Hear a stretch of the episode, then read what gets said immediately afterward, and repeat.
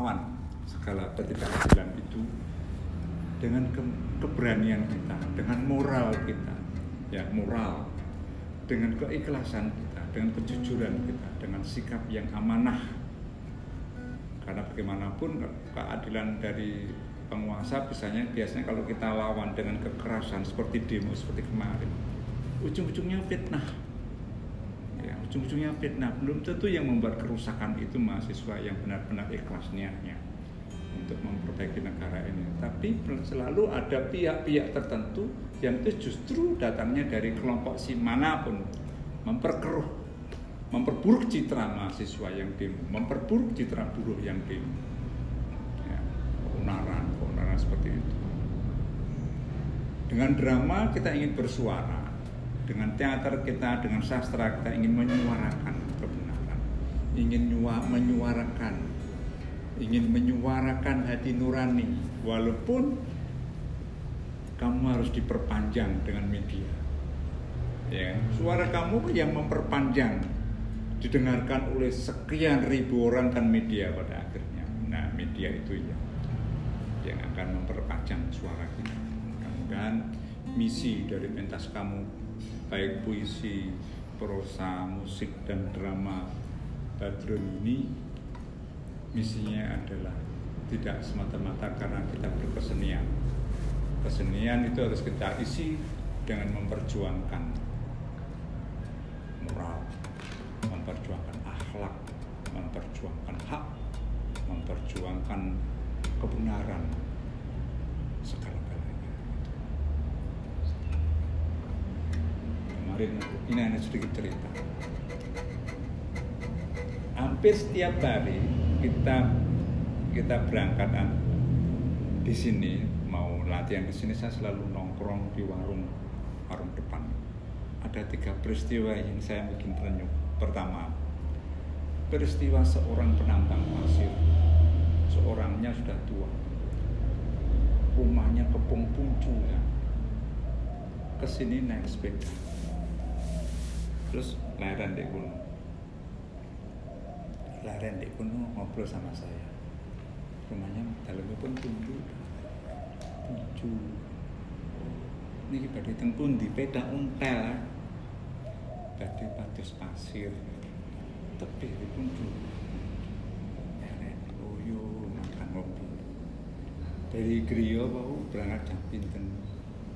Bar subuh toko kene jam loro peda aku nyambut gawe nambang pasir nyelup selup umuripun jenengan pinten? 69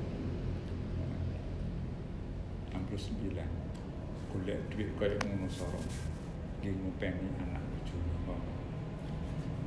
mung oleh duit swidak ewu ewu. Seluruh kali gawa pasir mukanya dan dibeli bos-bos bos-bos yang punya truk bawa ke mana ini buruh kerjanya seperti berat. Mereka pulang ke Puncul setiap hari duduk isu. Nah ini kepedihan orang kecil seperti ini. Kedua ada berita yang kedua. Pak Bapak sing Joko warung dia kan hanya sebagai pekerja sing buruh sing kerja di warung Pak Seto setiap hari itu ada orang titip sepeda motor mancing. Ada juga yang titip sepeda motor tapi nggak ngomong ke dia. Orang pemkot tapi dia bercocok tanam di gisik itu cocok tanam di gisik di gisik-gisik lahan tepian kali berantas kan milik pemerintah atau milik pengairan atau bandaran kali. Itu ditanami oleh orang ini pegawai pemkot yang jabatannya cukup lumayan itu. Tuh, kepentingan ditanduri berambang. Katanya panennya sampai berapa ton gitu. sama lor.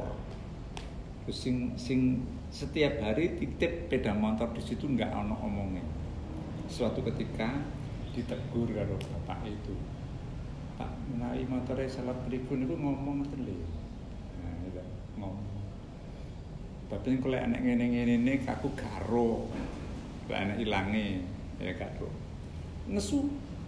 Mentang-mentang dia orang pemkot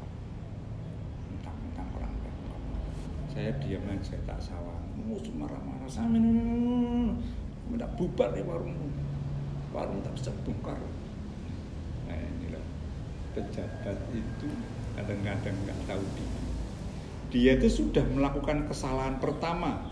Hak tanah sopo sing dia tanduri bantaran kali sak monomban tanah siapa itu ketika dia tanam berambang sak monombani dan hasilnya tipek diwi tanah siapa pelanggaran Wong Pak Warung lah lumrah enek motor di kono, enek omongnya, ada omongnya.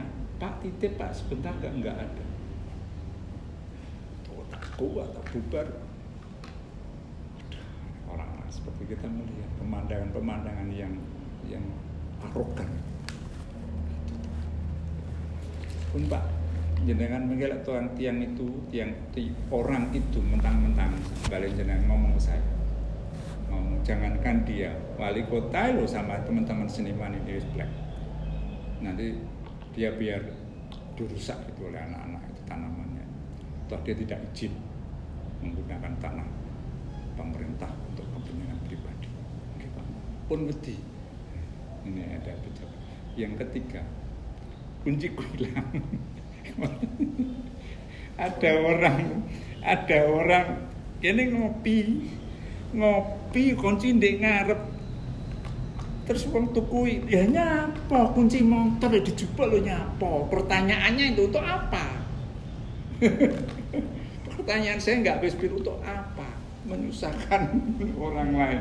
Wah ini kita ada tiga peristiwa sehingga itu orang lain yang terakhir menyangkut diri saya sendiri. Wah ya Allah nyapa seorang itu boleh-boleh oke? Okay? inilah ini masukan sebagai kita. Kamu yang anak-anak milenial mahasiswa pelajar harus peka. Kelak ke depan ini samu bagi kita semuanya supaya tidak semena-mena terhadap orang lain. Supaya dia kita selalu punya rasa kemanusiaan punya hati nurani enek wong susah ditulung itulah manfaatnya kita berkesenian mengasah hati mengasah perasaan mengasah pikiran kita bahwa intelektualitas kita ini tidak semata-mata untuk hidup diri kita sendiri, tapi untuk kepentingan orang banyak. Oke? Eh, kita mulai. Kita mulai hari ini baca prosa dulu ya.